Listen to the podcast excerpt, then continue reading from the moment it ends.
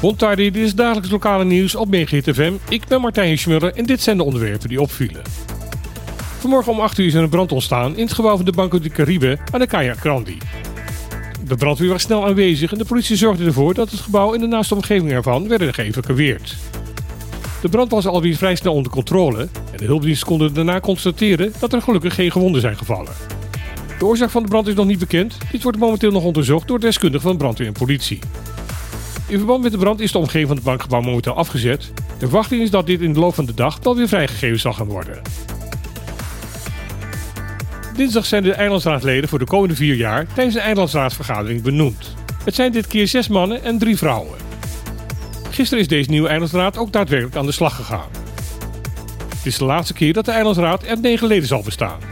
Bij de verkiezing van 2027 zullen er 15 raadsleden gekozen worden. En vier jaar later, in 2031, zullen dat naar verwachting 19 zijn. Deze verandering is gisteren door staatssecretaris Alexander van Huffelen bij beantwoording van vragen uit de Tweede Kamer definitief bevestigd. Ook het aantal gedeputeerden zal groter gaan worden. Bestaat het bestuurscollege nu nog uit drie gedeputeerden aangevuld met de gezaghebber? In 2027 zullen dit er vier worden en in 2031 zelfs vijf.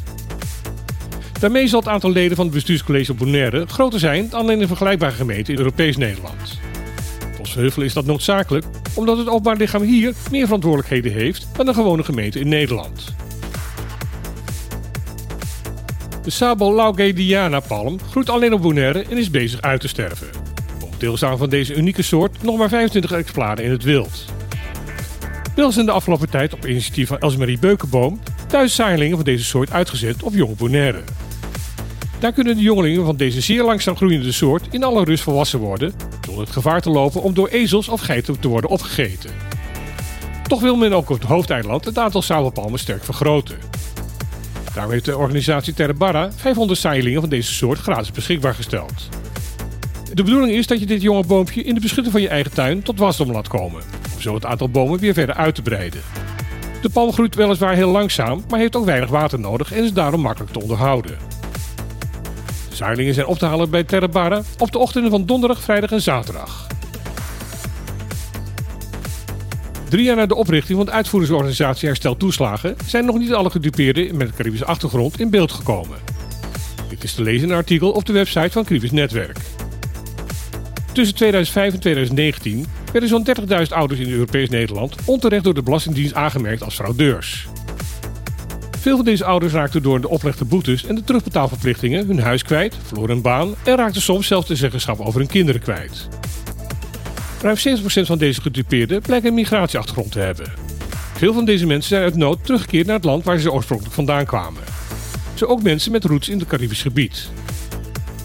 De slachtoffers van deze affaire in Europees Nederland krijgen momenteel brede steun van de gemeente waarin ze wonen. Voor de steun aan hun lotgenoten in het buitenland is een speciaal ondersteuningsteam voor ouders in het buitenland opgezet. Helaas nemen niet alle gedupeerden in het Caribisch gebied contact op met dit team. Daarbij spelen schaamte en wantrouwen een grote rol. Het OTB hoopt dat uiteindelijk alle gedupeerden van de toeslagaffaire in het Caribisch gebied contact zal opnemen met het team. Want alleen dan kan er ondersteuning gegeven worden waar deze ouders recht op hebben. Voor meer informatie kan er gemaild worden naar info.hetotb.nl Dit was weer het lokale nieuws op FM. Ik wens iedereen weer een mooie, plezierige en gezonde dag toe. En dan heel graag weer. Tot morgen.